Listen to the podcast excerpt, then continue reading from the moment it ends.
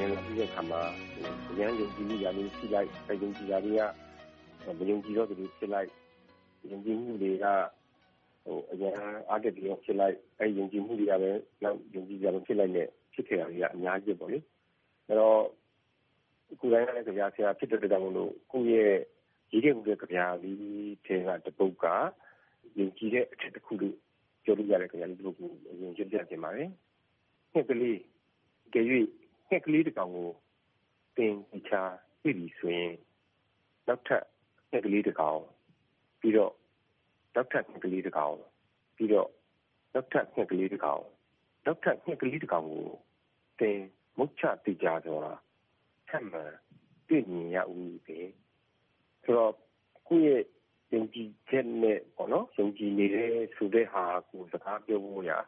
ရန်ခက်ခဲတဲ့ကြားရဒီနေရာကြီးကတော့ ကိုယုံကြည်တယ်ဆိုတာနဲ့ ဆက်နွယ်နေတယ် ဒါပေမဲ့ ဒီတရားကိုအဲဘယ်လိုယုံကြည်ရလဲဆိုတာ ရှင်းပြဖို့အတွက်ကြတော့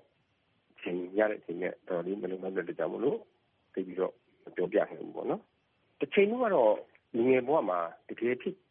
ရှင် တကယ်လို့ဟုတ်ဖြစ်ရမည်ဆိုတာမျိုးကို ယုံကြည်ခဲ့ဘူးရဲ့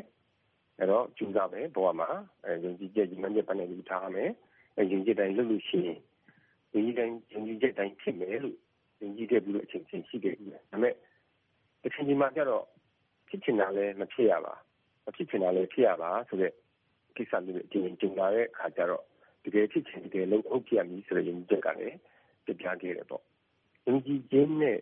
ပတ်သက်လို့ပြောရမယ်ဆိုရင်နောက်ဆုံးမှာတော့မျောလင့်နေတဲ့1996လုံးဝနှစ်ပေါင်း20လောက်ကတော်ဘာရဟန်းဟိုးရာကနေပြီးတော့ပေါ့နော်ဒီဘာမှမယုံကြည်တဲ့ လူတယောက်ရဲ့ဘဝကနေပြီးတော့အဲ့ဒီမှာကိုယ့်ရဲ့အသက်40မှာ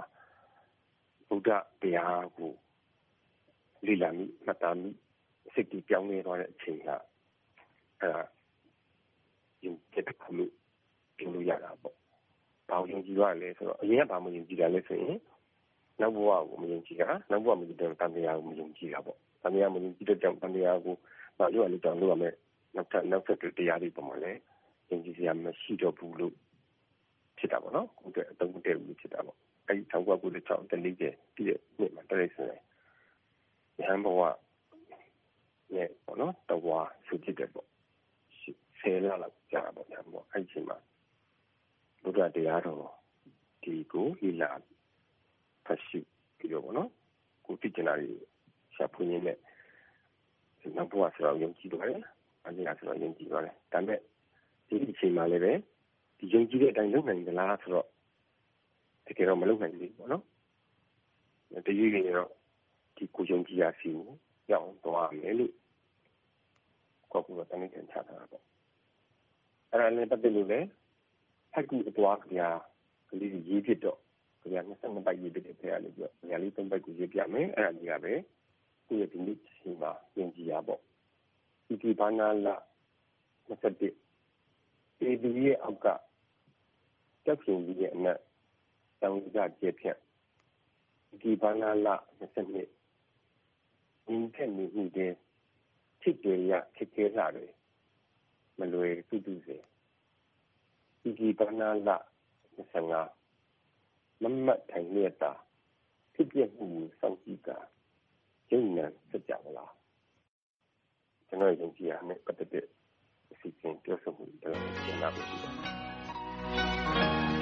အပတ်စဉ်တင်ဆက်နေတဲ့ သူယုံကြည်ရာကဏ္ဍအတွက်ဘလို့အကြောင်းအရာမျိုးမှမဆို ကိုယုံကြည်ရာလေးတွေကို ပါဝင်ဆွေးနွေးပြဖို့ဖိတ်ခေါ်ပါရစေ။ email လိပ်စာ burmese@voanews.com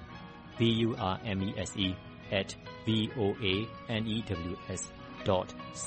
ကိုစာရေးပြီးဆက်သွယ်ရမယ့်တယ်လီဖုန်းနံပါတ်ကိုအကြောင်းကြားလိုက်ပါခင်ဗျာကျွန်တော်ပြန်ဆက်သွယ်ပါမယ်